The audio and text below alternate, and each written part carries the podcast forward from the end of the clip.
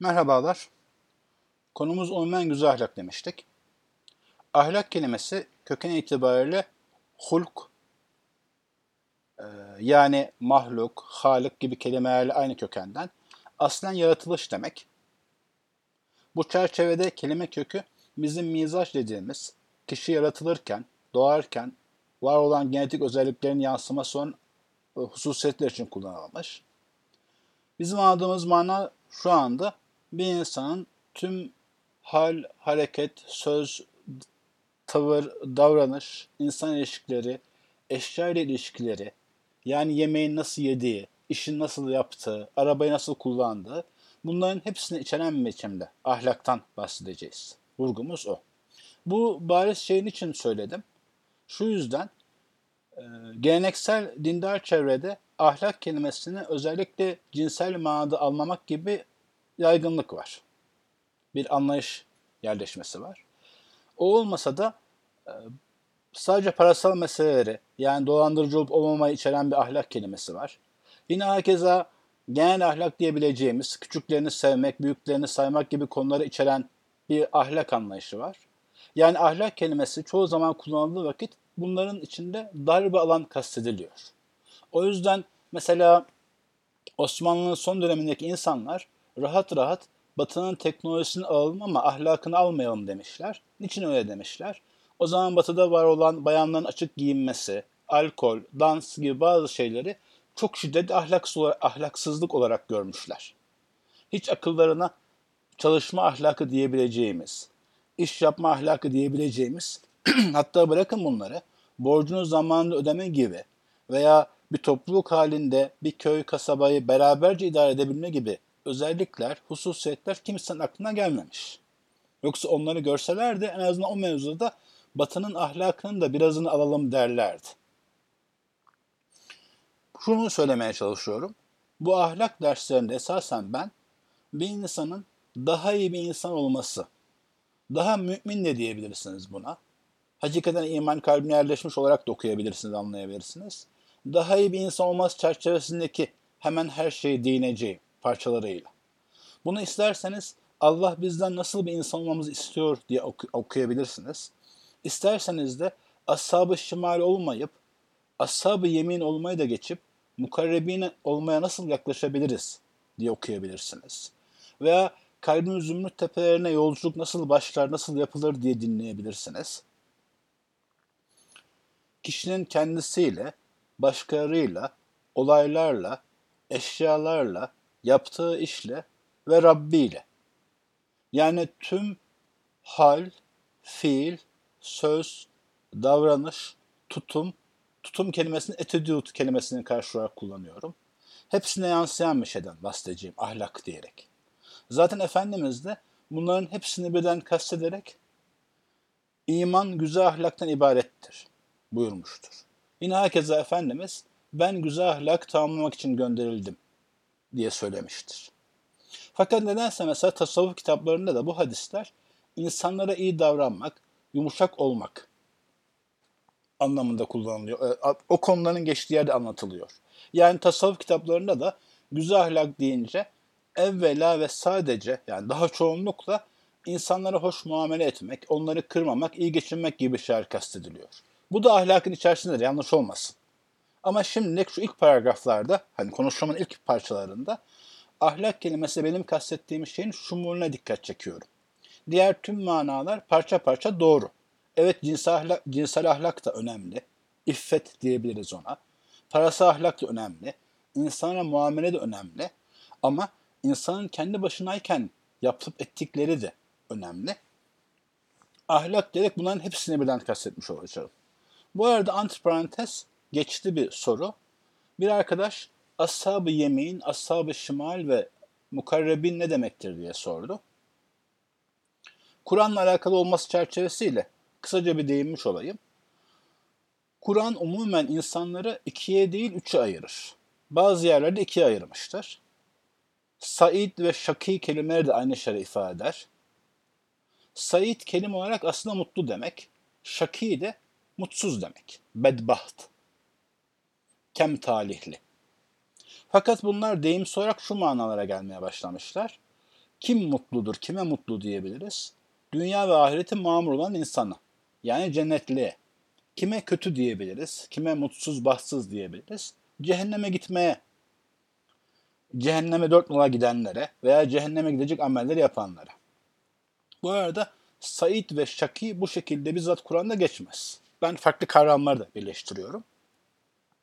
Kur'an insanları umumen dindarlar ve dindar olmayanlar, cennetlikler ve cehennemlikler olarak ayırırken defterlerin sağdan verilmesine işareten ve aynı zamanda yemin kelimesi yani sağ kelimesi e, baht, baht, uğur, kısmet, güzellik gibi anlamlarda kullanıldığı için hemen her yerde ve şimal kelimesi yani sol kelimesi yani defterini soldan alanlar çerçevesinde Kur'an ashab-ı yeminden yani defterini sağdan alacaklardan yani mutlu mesut insanlardan yani Allah'ın istediği gibi yaşayanlardan bahseder. Ashab-ı şimal diyerek de şerir insanlardan, defterini soldan alacaklardan bahseder. Bu farklı surelerde farklı şekillerde geçerler. Ama bilhassa Mekki sureler bunları daha fazla vurgular. Yine ben demin Vaka suresine işaret etmiştim. Dedim ki Kur'an'ı bazen sadece hani Kur'an tabirle söylüyorum. Bu siyasi manasıyla değil. Sağcılar ve solcular, sağ ehli ve sol ehli, ashab-ı meymene ve ashab-ı meş'eme diye ayırırken, ayırmakla beraber en temel olarak, sağ ehlinin içinde bir grup daha ayırır. Yani cennete girecek kadroları, kitleleri ikiye ayırır. Onlardan asıl önde bulunanlara mukarrebin denilir. Mukarrebin kelime olarak en yakınlar demek. Buna benzer ayrımları medeni surelerde de yapılır. Medine'de inmiş surelerde. İnsanları hani kafirler, münafıklar, müşrikler bir grup olarak ayırdığı gibi Müslümanlar diye ikinci bir grup ayırır müminler diyerek ve müminleri ikiye ayırır o yine aynı çerçevede. Cihad edenler yani imanı ve İslam'ı hem yaşamaya hem yaşatmaya çalışanlar olarak ayırır. Bir de cihad etmeyen ama İslam'ı yaşamaya çalışanlar olarak ayırır. Bu her iki grupta cennete gidecektirler. Fakat cihat ve tebliği öne almış olan insanlara e, daha büyük mükafatlar vaat eder. O ikisi asla bir olmaz der. O manada mukarrebin olmanın yolunun, temel yolunun kendisinde ve başkalarında imanı İslam hakim kurmaya, hakim kılmaya çalışmak olduğunu Kur'an işaret ettiğini söyleyebiliriz. Bu arada Kur'an'da bu ayrımların geçtiği tek yer bu ikisi değil. Ben ahlak konusuna dönmüş olacağım. Fakat Kur'an'ın şu ayrım yaptığı bir gerçek. Yani sadece haramları helallere ittiba edip kendi dar dairesinde ama yine eksiksiz İslam'ı yaşayanlara ashab-ı yemin diyor veya Allah bunlara da hüsün, güzellik vaat etmiştir diyor. Ama bunun yanında ister kendi şahsi ibadet evradıyla derinleşmiş olsun, isterse iman ve İslam başkana benimsetmek için koşturmuş olsun ayrı bir grup insana da mukarrebin diyor. En öndekiler diyor. Allah onlara derece derece yükseltmiştir diyor. Bu ikisi asla bir olmaz diyor. Siz bu daha öndekilerinden bulunun diyor. Diğer taraftan Allahu Teala'nın mükafat grubunu ikiye ayırması, yani iki birim, iki sınıf mükafat verecek insan, bir birim, bir sınıfta ceza verecek insan olarak ayırması, bunlar sayısal eşitlik değil de, yine de böyle ayırması rahmetinin genişliğine de bir işaret. Yani burada da rahmet gazabı geçmiş oluyor. İnsanın üç sınıfından ikisi rahmete erişecek, birisi azap görecek de ayırabiliriz. Konuya dönelim. Güzel ahlaktan bahsediyorum demiştim. Bütün çeşitleriyle bizim daha iyi bir insan olmamız, daha iyi yaşamamız. Şimdi diyeceksiniz, abi herkes bundan bahsediyor. Sen nasıl bir farkla bahsedeceksin? Ben birkaç noktanın da altını çizerek bahsedeceğim. Şöyle ki, evvela, doğrudur, bazı psikologların, sosyologların söylediği şey de doğrudur. İnsan belli bir mizaç kümesiyle doğar. Yani bazılarımız daha dışa dönük, bazılarımız daha içe dönük olduğu gibi, bazılarımız daha sosyal, bazılarımız daha kendi halinde olduğu gibi, Bazılarımız daha sportif, hareketli, enerjik, bazılarımız daha hareketsiz olmaya meyilli olduğumuz gibi. Yine hakeza bazılarımız daha öfkeli ve bazılarımız daha sakin ve bazılarımız daha cömert, bazılarımız daha ince hesaplar yapmaya, daha titiz olmaya, daha cimri olmaya diyeyim, daha meyilli. Olduğu doğrudur. Bunlar bulunsun. Yine hakeza tabula rasa yani boş bir levha olarak zihinlerimiz doğduğumuz, daha sonra bilhassa ilk gördüğümüz şeyden daha çok etkilenerek biz küçükken çevremizde olan insanlardan, anne babamız, teyzemiz, halamız, dayımızdan daha fazla etkilendiğimiz, komşularımızdan, ilk gittiğimiz okuldaki davranışlardan daha fazla etki altına kalarak şekillendiğimiz bir gerçektir. Daha sonra medyanın etkisi girer. Ergenlik çağındaki arkadaşlarımızın etkileri girer. Ve belli durumlarda belli şekilde davranmaya alışmış insan olarak ulaşırız. İlk gençliğimizin sonlarına yahut da genç yetişkinliğimizin başlarına. 17-18 veya 20-25. Sonra da çoğunluk itibariyle aslında pratik olarak insanın hemen hepsi itibariyle o halde ölür gideriz. O kazandığımız alışkanlıklarla, o alışa geldiğimiz tepkileri vererek, o şekilde davranarak ölür gideriz. Evet, ahlaktan herkes bahseder. Bu ahlak kelimesini en geniş olarak anlamış, anlatmış mıyım ya? İster temizlik deyin, ister çalışmak deyin, ister insanlara iyi geçirmek deyin, ister, ister sır saklayabilmek deyin. Çünkü ahlak kelimesi en geniş manası alıyorum. İster ibadetlerini düzgün yapmak deyin, ister yemeği azaltabilmek veya spor yapabilmek deyin. Bizim zaten tüm meselemiz yapıp yapamadıklarımızla değil mi zaten? Evet bugün sorsam şimdi beni dinleyenlere farklı işlerden şikayet edebileceklerdir. Kimisi dersten okuldan, kimisi yurt dışına çıkmaktan, kimisi eşinden yahut evleneme eşinden, kimisi çocuğundan. İlahir şikayetleri veya değişmesi istediği şeyler olacaktır. Ve bunların, bu soruların hepsi nihayetinde şuna gelecektir. Ne yapmalıyız? Ne yapmalıyım? Ne yapayım? Bu çerçevede ister kişisel gelişimciler, ister din adına konuşanlar, vaizler, öğretmenler, hocalar, koçlar, teknik direktörler hep bir şeylerin yapılması gerektiğine veya neyin yapılması gerektiğine dair bir şeyler söyler dururlar. 50 kere, bin kere duydunuz ve farklı şeylere karar da verdiniz. Şunu yapayım, bunu yapmayayım diye. Ben onlara ilaveten ve farklı olarak bir tek şey söylüyorum bu mevzuda. Sizin, sizin davranışlarınız yani ne zaman nerede ne yapıp ettiğiniz büyük ölçüde anlık olarak sizin iradenizden bağımsız ve mekanik olarak şekillenir. O yüzden aslında çoğu insanın davranışlarını değiştirme gücü hiç yoktur. Söyledik, söyleyeceğim paragrafın ilk cümlesi olarak bunu söylüyorum. Bunu fark etmiş olmanız durumunda dersimiz hız kazanacak veya anlatacaklarını istifa etmiş olabileceksiniz. Fark etmemişsiniz veya tam tersini savunuyorsanız maalesef benim anlatacaklarım pek de bir işinize yaramayacaktır. Tekrar edeyim mi? Ortalama insan ortalama haliyle alışa geldiği davranışları, tutumları, konuşma biçimlerini, çalışma biçimlerini, iş yapma şekillerini, eşya ile ilişkisini, bu eşya bilgisayar, cep telefonu, ders kitabı olabilir ilişkisini değiştirmeye muktedir değildir. O yüzden mesela bir yerden duysa ki mesela daha çok çalışması lazım. Kendi kendine evet daha çok çalışayım demesinden hiçbir sonuç çıkmaz. Yani normalde ne kadar çalışıyorsa o kadar çalışmaya devam eder. Veya bir yerde gıybet etmenin günahını duymuştur. Gıybet etmeyeyim diyebilir. Ama bu demesi de bir iki gün haricinde davranışlarını değiştiremez. Evvela hemen bunu söyleyeyim. beni dinleyen arasında, şimdi veya daha sonra kayıttan dinleyecek arasında, yo hayır ben davranışlarımı istediğim zaman istediğim şekilde değiştirebiliyorum.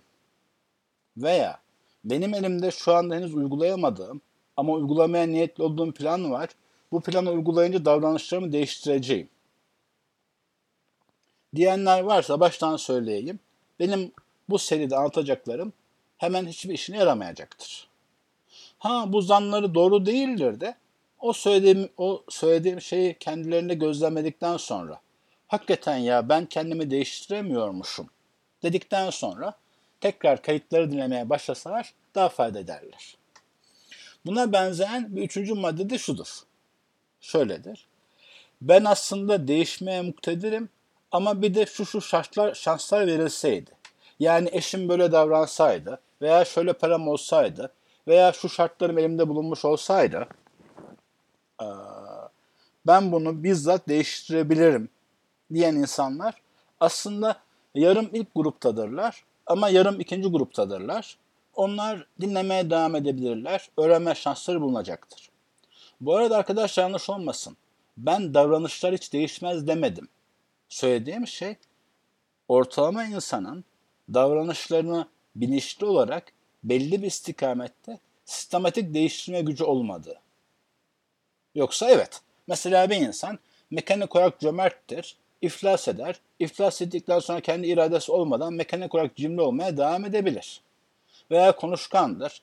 Eşi veya arkadaşı veya çocuğu vefat eder. Ondan sonra suskunlaşabilir. Yani dışarıdan gelen rastgele şoklar o insanda rastgele bazı değişiklikler meydana getirebilir. Ben bundan bahsediyor değildim. Benim ortalama insanda normal haliyle bu güç yok dediğim şey bilinçli, iradi olarak davranışlarını belli formattan diğer formata sokamadığı realitesiydi. Bu arada dindar bir çerçevede yetişmiş ve dindar olmaya çalışan, hareketlerini değiştirmeye çalışan insanlar bu söylediğimin büyük ölçüde doğru olduğunu kendilerine gözlemlemişlerdir. Ya da belli bir yaşı geçen insanlar da kendini gözlemlemişlerdir. En azından la akal kendisinde gözlemleyemişse bile çevrelerinde ya benim kocam hiç değişmiyor, ya benim karım faaliyetlerini hiç değiştirmiyor, ya ben çocuğum için ne yaparsam yapayım değişmiyor şeklinde en azından başkalarından şikayet olarak insanın pek değişmediğini fark etmiştir.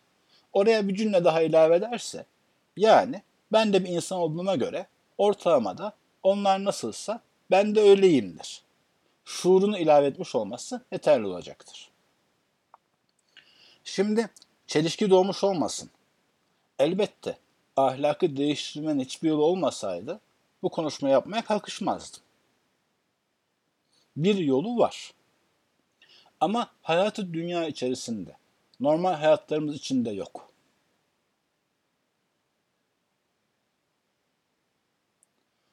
Bunun fark edilmiş olması halinde, derinden derine hissedilmiş olması halinde bir insana yukarıdan yardım gelir. Yukarıdan diyeceğim ben.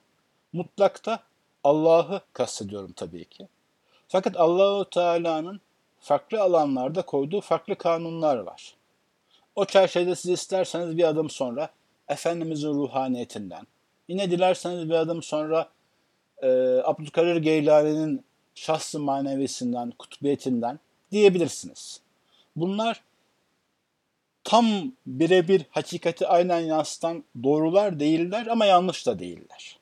Yani bize göre manevi olarak veya psikolojik olarak, varlık seviyesi olarak yukarıda olan bir şeylerden bir şekilde yardım gelir. Hızır'dan diyebilirsiniz istiyorsanız. Hani Gavs'tan diyebilirsiniz. O isimler mutlak yanlış değiller, mutlak doğru da değiller. Şimdi derdim işin o ezoterik veya batın yönünü ifade etmek değil. Ama yukarıdan gelen yardım ancak evet doğru ben bu konuda klasik olarak bildiklerimden fayda görmüyorum denildiği zaman oluşmuş olur.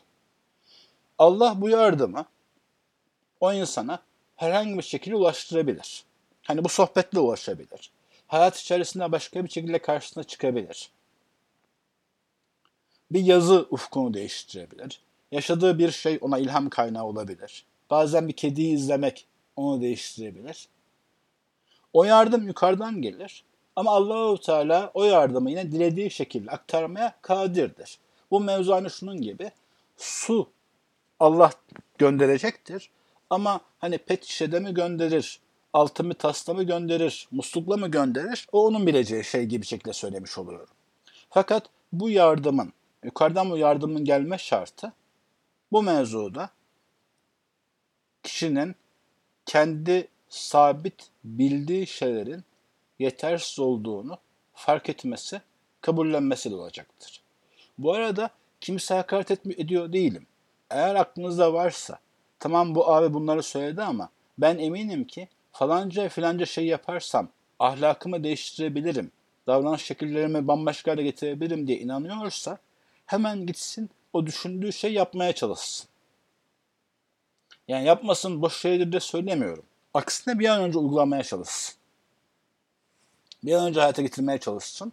Hem bu halde yapabiliyorsa ne ala bir yol bulmuş demektir. Yapamıyorsa da daha hızlı terakki etmiş olur. Evet, başa, baştan beri söylemeye çalıştığım şeyleri az özetleyeyim.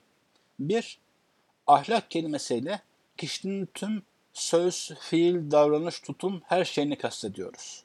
Ne sadece başka insanla ilişki, ne sadece cinsel alanda olan şeyleri kastediyor değiliz. Tüm davranışları.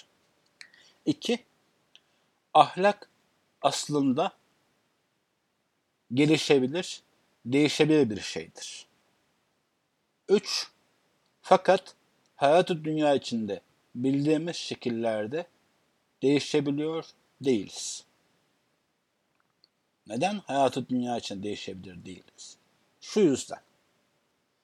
Biz normal hayatın içerisinde bir mevzuda problem olduğu vakit veya problem olduğunu düşündüğümüz vakit yani değişmesi gerektiğini düşündüğümüz vakit sadece davranışımızı değiştirmeye çalışırız.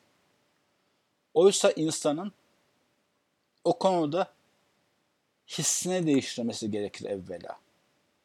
O konudaki hissini değiştiremeden davranışını kalıcı olarak değiştiremez. Yani savaşması, uğraşması, değiştirmeye çalışması gereken şey kendi his ve duygularıdır. Bununla beraber hisse duygularına bir insan doğrudan müdahale edemez. Ancak düşüncesi üzerinden müdahale edebilir.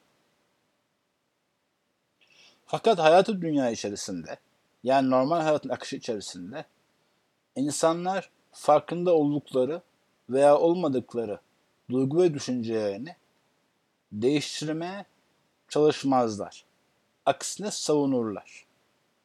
Oysa aynı duygu ve düşünceler var olmaya devam ettiği sürece aynı davranışlar bizden sudur etmeye, ortaya çıkmaya devam edecektir. Fakat normal hayatın içerisinde ne bizi teselli edenler, ne gittiğimiz psikologlar, doktorlar veya din adamları veya cinci hocalar, ilahir yani yardım istediğimiz insanlar. Hayır senin duygu ve düşünceni gerek değiştirmen gerekiyor demedikleri için. Çoğunlukla da hayatı dünya içerisinde biz duygu ve düşüncelerimizi değiştirmek istemediğimiz için davranışlarımız ve olduğumuz kişi de pek değişmez.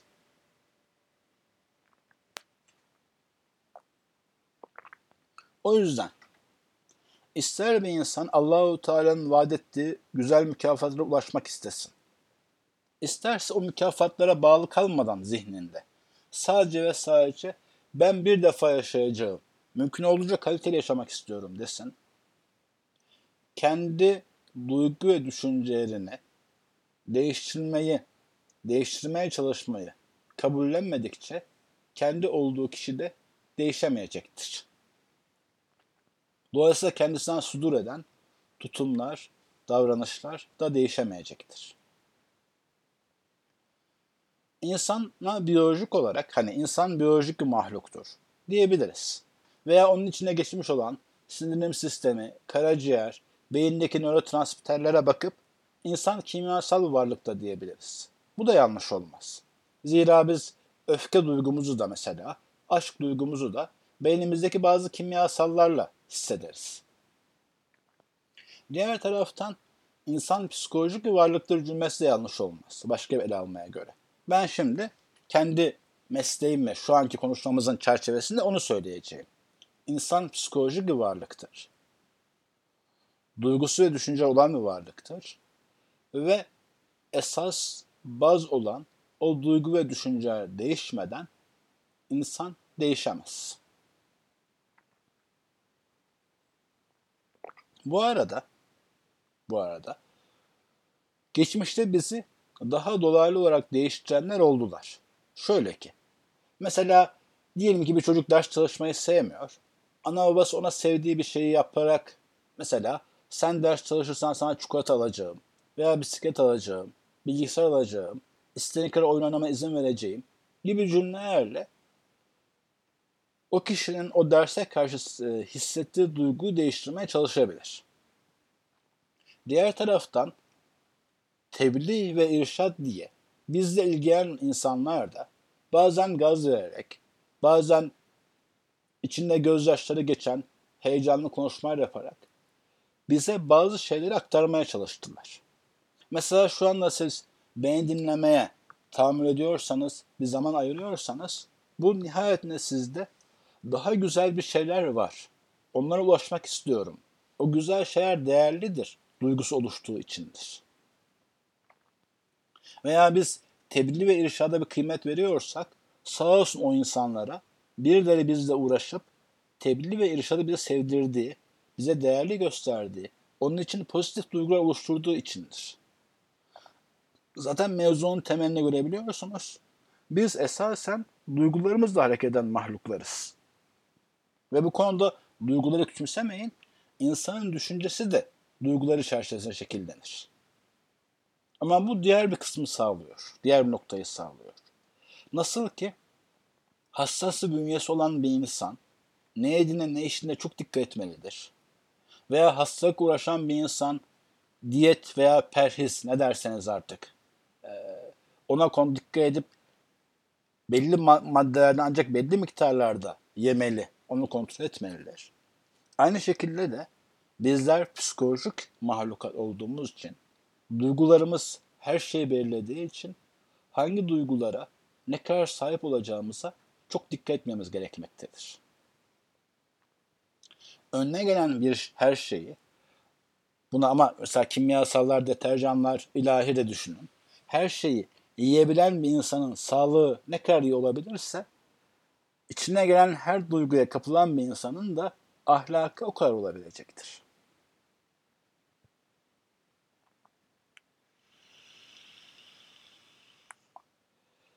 Evet, ahlak değişebilir ve ahlakın değişmesi için duygularımızı değiştirmemiz gerekir ve duygularımız değiştikten sonra hareketlerimiz değişebilecektir. Buradan başka bir noktaya da geçeceğim. O da şu. Demiştim, bizim tepkilerimize biz normalde direkt olarak irade olarak ulaşamayabiliyoruz. Yani kendimizi ilk başta irade olarak değiştirmeye çalışırken zorlanabiliyoruz. Peki bu zorlanma duygular açısından da geçerli olmayacak mı aklınıza gelebilir. O konuda Allahu Teala hoş bir egzersiz, hoş bir şey yaratmış bize, bizim için. O da şu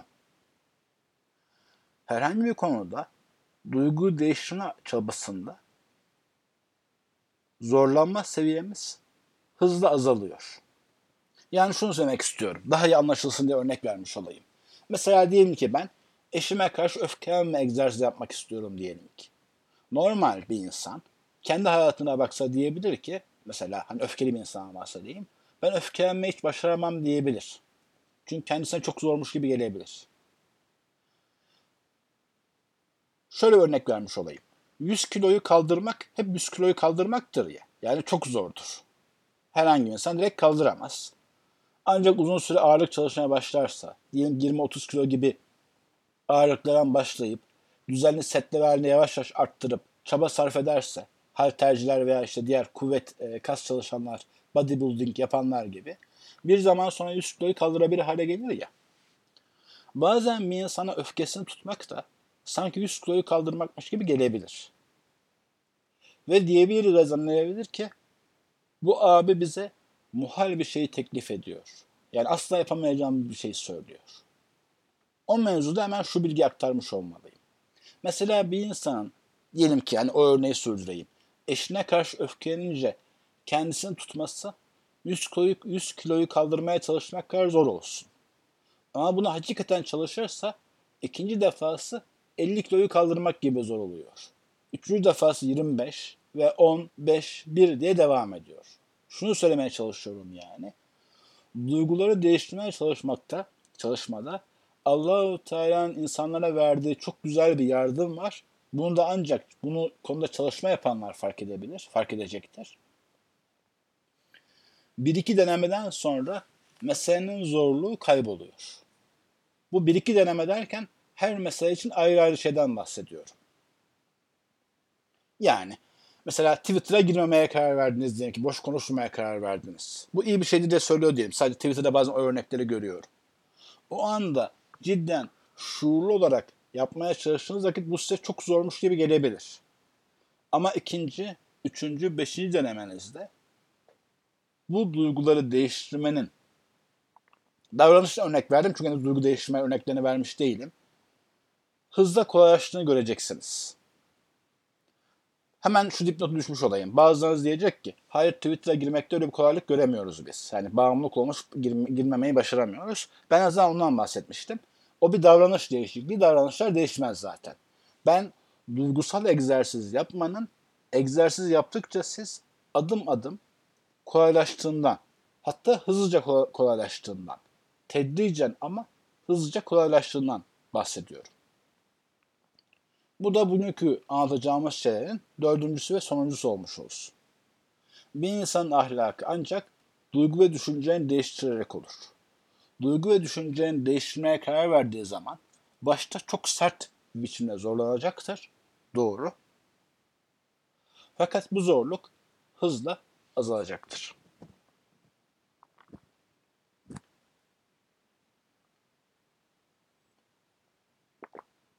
Demin bir çaresizlik hissinden bahsetmiştim.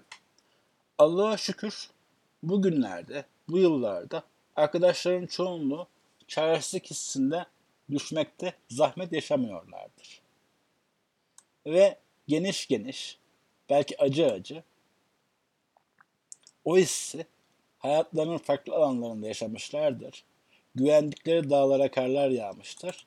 Yani bu his şu anda zor veya tuhaf değildir. Zaten bu sohbetin kısmet olmasının sebebi de o. Kader planında, hakikat planında. Yani dinleme hazır birileri bulunmasaydı anlatacak birisi de bulunmazdı. Evet insan kendisini çok kadir, çok haklı, bilgilerine çok yeterli hisseder çoğu zaman. Çok yapabilir hisseder. Ve hayatı öyle geçer belli krizlerden sonra aslında yapamıyor olduğunu, hatta daha altında aslında bilmiyor olduğunu fark ettikten sonra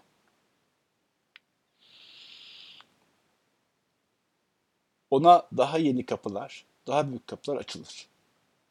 Bu arada sahabenin yani ashabın büyüklerinin temel vasfı onlarda bahsettiğimiz değişimin yani bizim bu değişimle kazandığımız şeyin yani kendini tam, haklı, biliyor, güçlü, yapabiliyor hissetmenin bulunmayışıydı. Bu bahsettiğimiz şeye daha sonra daha teferruatlı aktarmış olacağım. Şöyle bir zahmetimiz var arkadaşlar. Eğer ben anlatırken söylediğim cümlelerin hangi açıdan doğru olabileceğini hangi manayı kastetmiş olabileceğine dair dinleseniz biraz daha rahat hissedebilirsiniz. Zira günlük hayattaki Türkçedeki bazı kelimeleri kullanıyorum ama bunları her zaman günlük hayattaki birebir manasıyla kullanıyor değilim. Bunu şu yüzden söyledim. Demin bir arkadaş şunu sordu. Sürekli yetersiz hissetmek normal mi abi diye. Ama benim bahsettiğim böyle yetersiz hissetmek, hissetmek hissi değildi. Aksine insanların günlük hayatta söylediği sürekli yetersiz hissetmekle ifade ettiği şey kompleksin bir çeşididir. genelde yanlış çocukluk eğitimleri sonrasında oluşur. Makul de değildir, mantıklı da değildir. Ama ben ondan da bahsediyor değilim zaten. Hatta şöyle söyleyeyim. Bir insan kendisini çok yapabilir, çok bilir, çok haklı hissettiği için zaten sürekli yetersiz hisseder. Bu son cümlem size ulaştı mı? Kelime olarak söylemiyorum. Zihninize, kalbinize bir yerlere ulaştı mı? Bir insan zaten kendisini çok haklı, çok güçlü, çok yapabilir, çok iyi bildiği için kendisini yetersiz hisseder zaten.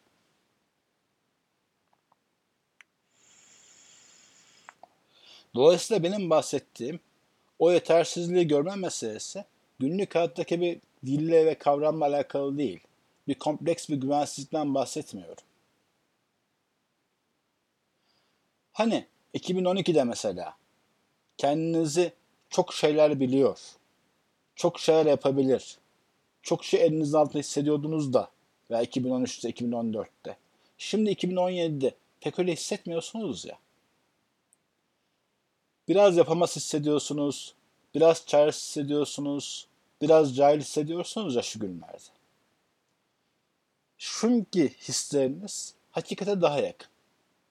3 yıl önce, 5 yıl önce bir hipnozdaydınız. Bilmediğiniz halde kendinizi biliyor zannediyordunuz çoğunluk itibariyle. Yapmadığınız halde kendinizi yapıyor hissediyordunuz. Beceremiyor olduğunuz halde kendinizi becerebiliyor hissediyordunuz. Öyle hissettiğiniz için de daha iyisini öğrenmek, daha iyisini yapmak adına bir gayretiniz olmuyordu.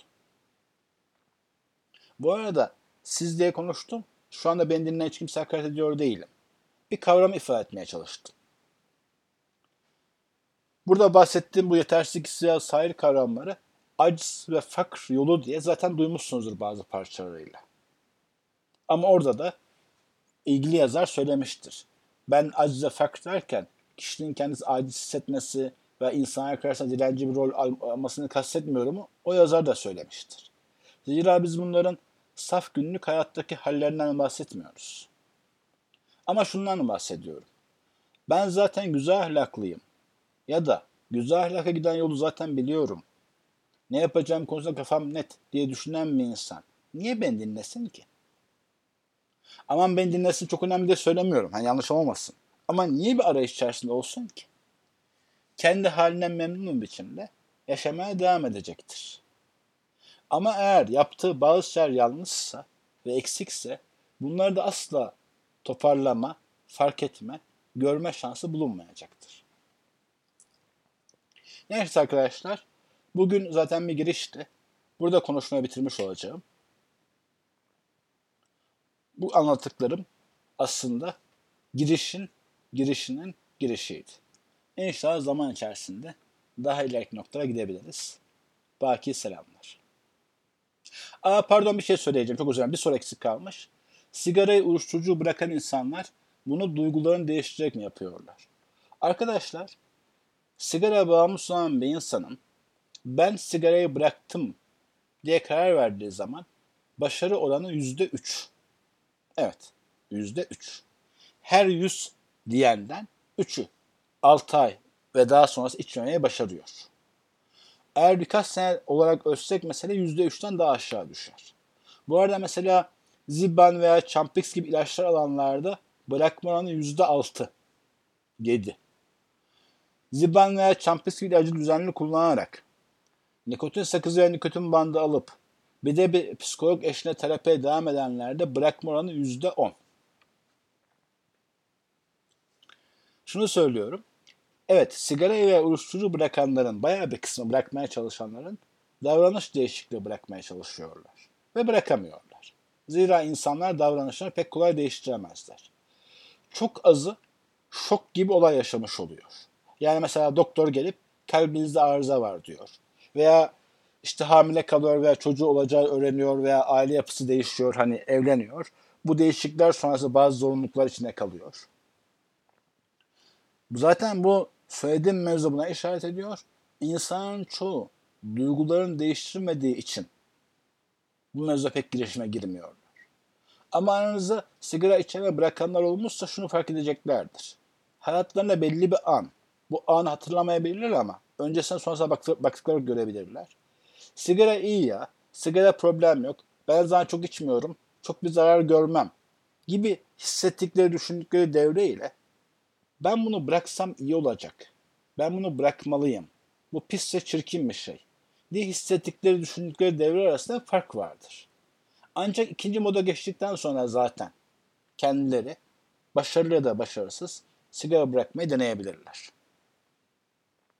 Evet, bugün aklımızdan kalacaksa şunlar kalsınlar. Kişinin ahlakı değişebilir, davranışları değişebilir. Bambaşka, çok daha kaliteli bir insan olabilir. Ama bunun için vermesi gerektiği bedel duygu ve düşüncelerinin bazılarıdır. Yani hissettiği ve bildiklerinin bazılarıdır. Duygu ve düşüncelerini değiştirmeye hazır olmayan insanların ahlakı da değişmeyecek demektir. Baki selamlar.